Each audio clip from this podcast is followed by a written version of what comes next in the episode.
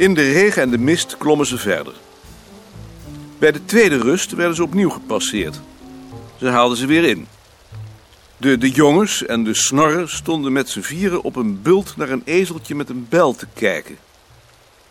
In hun derde rust hoorde hij ze in de mist met het ezeltje in hun voetspoor naderbij komen. De jongen en zijn vrouw passeerden hen. Omdat hij bang was als laatste de ezel mee te krijgen, stond hij op, maar Nicoline riep dat hij dan maar alleen achter die vrouw aan moest, als hij zo graag achter vrouwen aanliep. Ze was woedend.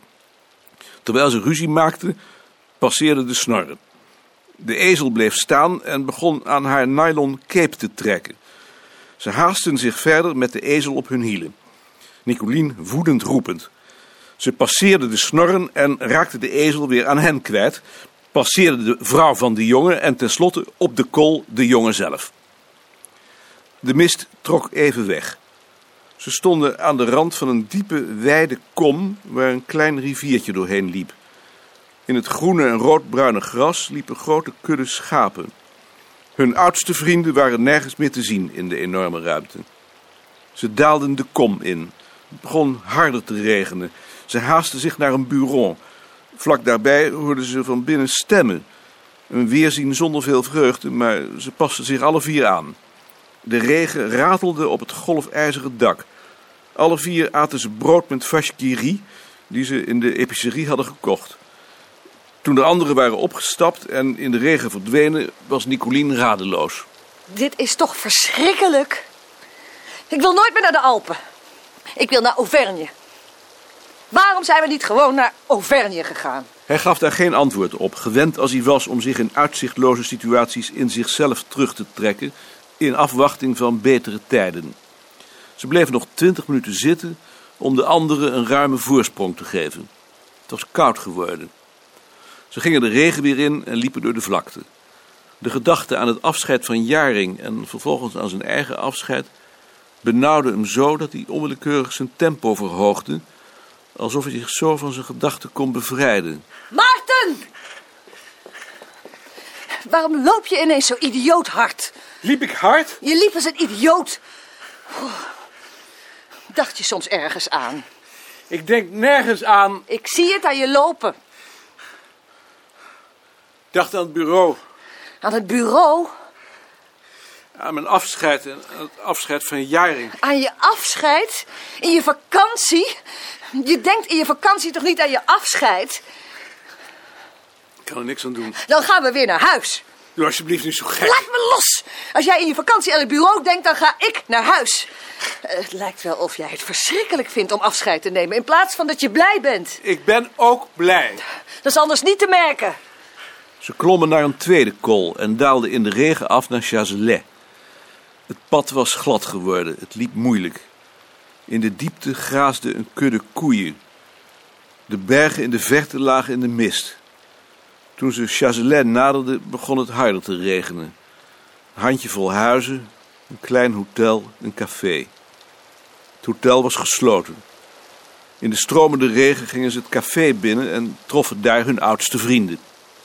Ze dronken wat, gaven hun opnieuw een voorsprong en daalden toen in de regen en de mist af naar La Grave. De gedachte aan zijn afscheid hield hem uit de slaap. Waar hij altijd naar had uitgezien als naar een bevrijding, had plotseling iets beangstigends, alsof hij aan de rand van een ravijn stond. Hij verdroeg dat moeilijk van zichzelf en wentelde zich van zijn ene zij op de andere om dat gevoel van dreigend onheil weer kwijt te raken. Toen hij eindelijk insliep, had hij angstaanjagende dromen. In een daarvan zag hij bij het oversteken van een riviertje een schaap in het water liggen, roerloos. Toen Nicolien het aan zijn kop omhoog tilde, week de vacht van het geraamte. Het schaap deed even zijn ogen open en zuchtte. Dat was de laatste zucht natuurlijk.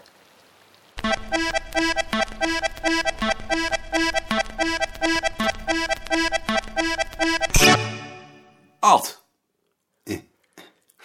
Ik ga straks meedelen dat ik op 1 juli van het volgend jaar met de FUT ga. Ik zeg het jou van tevoren, omdat je er als eerste mee te maken krijgt. Maar ik wil niet dat de anderen het al weten. Het moet een verrassing zijn. Ik volg je niet op. Nee, maar je zult er toch voor moeten zorgen dat zo'n nieuw hoofd geen brokken maakt. Ik ga het ook nog even aan Van der Marel meedelen. Dick. Maarten. Dick, ik ga straks aan mijn afdeling meedelen dat ik zojuist aan jou heb laten weten dat ik met ingang van 1 juli aanstaande met de FUT zal gaan. Toch niet om mij? Nee, niet om jou. Want voor mij hoef je niet weg. Nee, ik was het al lang van plan. Ik vind het wel genoeg zo. Jammer. Ik laat een heel goede afdeling achter. Maar we raken een goed afdelingshoofd kwijt. Dank je. Maar je weet het nu dus? We praten er nog wel over.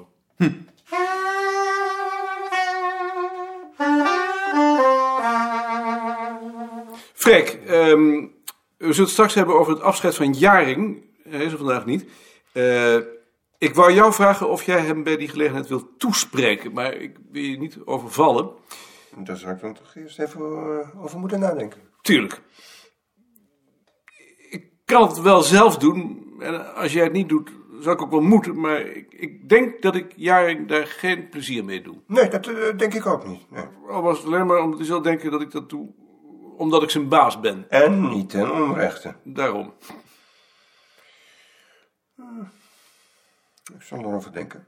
Graag. Dan, dan hoor ik het wel. Die bedrieger die komt nooit weer. Die bedrieger die komt nooit weer. Eh, ik heb voor vandaag drie onderwerpen. Eén, het afscheid van Jaring. Twee, het vijfjarenplan. En drie, de herverdeling van de ruimte. Heeft iemand daar nog iets aan toe te voegen? Niemand? Dan begin ik met het afscheid van Jaring. Dat zal zijn op 31 december. Dat is een woensdag, s ochtends. Alleen voor de medewerkers van het instituut komen geen mensen van buiten. Op Jarings uitdrukkelijk verzoek. Hij zal worden toegesproken door een van ons en kort door Van de Marel. Wie hem toespreekt is nog niet bekend, komt nog. Maar hij moet in ieder geval een cadeau hebben. Ik heb zelf gedacht. eh, je had vroeger op kermissen van die rollenzangers. Ik weet niet of er nog van zulke rollen bewaard zijn gebleven. Ze zullen zeker niet te koop zijn, maar misschien zou het aardig zijn om een, een kleurenkopie van zo'n rol te laten maken. Als we er ergens in een of ander museum nog een vinden kunnen.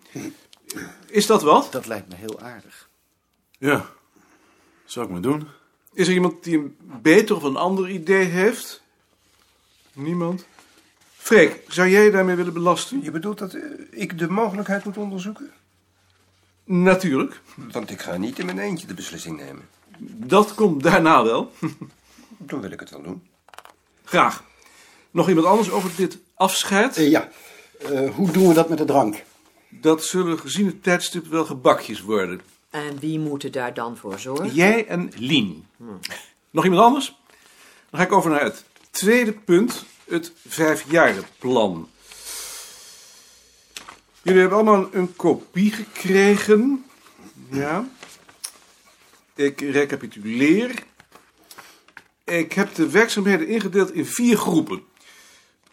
1. Documentatie en informatie. 2. Bronnenpublicaties. 3. Bibliografie en catalogie. En 4. Onderzoek. En vervolgens het onderzoek nog weer in drie groepen. De cultuurgeografie, dat zijn de onderzoeken van Sien over de voeding en van mij over de geografische verspreiding van koffie en thee, die ik voor de feestbundel van Gunterman moet maken.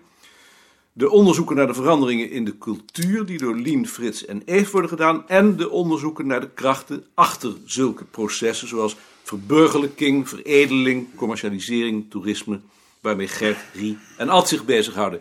Wie heeft daarover een opmerking? Ad? Ja, Eh, zou je die onderwerpen niet wat concreter kunnen maken? Aardappel, Bijvoorbeeld. paasvuur, Sinterklaas, luilak. Of 19e eeuw, of Twente of zoiets. Ik vind cultuurverandering en verburgerlijking zo abstract. Hoe abstracter het is, hoe groter de paraplu waaronder je kunt schuilen. Ja, maar ik begrijp het eigenlijk niet. Zijn er nog meer die met begrippen als cultuurverandering of verburgerlijking moeite hebben? Het is toch allemaal onzin? Zijn er nog meer die het allemaal onzin vinden? Ik begrijp niet wat je erop tegen hebt. Ik vind het helemaal niet zo onduidelijk. Nee. Dan ligt het zeker aan mij. Maar al die concrete onderwerpen die jij wilt, die staan toch in de onderkopjes? Sien heeft het over de samenstelling van de maaltijd. Ik heb het over koffie en thee. Lien heeft het over de leunstoel. Frits over het oorijzer. Jij over het paasvuur. Ik begrijp niet wat daar onduidelijk aan is. Dat vind ik ook wel genoeg, eigenlijk. Maar met begrippen als cultuurspreiding en cultuurverandering laat je nou juist zien wat zulke onderwerpen met elkaar gemeen hebben. Anders wordt het een rariteitenkabinet. Nee, dat vind ik geloof ik niet. Is er iemand die het standpunt van Ad deelt? Ja, ik. Nog iemand? Nou ja, Ad, dan wou ik het hier toch maar op houden. Nog iemand anders iets? Dan lever ik het zo in bij Van der Marel. Derde punt. De herverkaveling van de ruimte. Van der Marel heeft de besluitvorming daarover naar zich toegetrokken. Aanleiding is een nieuwe aanval van volkstaal op die twee kamertjes van ons op de derde verdieping. Huub Pastoors wil daar gaan zitten. Ik heb de indruk dat Van der Marel wel gevoelig is voor het argument dat de hele afdeling volkstaal dan op de derde verdieping zit. Ik heb gezegd dat ik dat gezien ons numerieke overwicht heel onrechtvaardig zou vinden. Ook daar leek hij wel gevoelig voor. Maar ik ben er niet gerust op dat hij dat ook blijft. Ik zou dus op willen aandringen om zoveel mogelijk, desnoods bij toerbeurt, van de bovenkamertjes gebruik te maken. En op onze verdieping de deuren van de kamers dicht te doen als je eruit gaat. Vooral bij muziek staan ze vaak open en het versterkt onze onderhandelingspositie.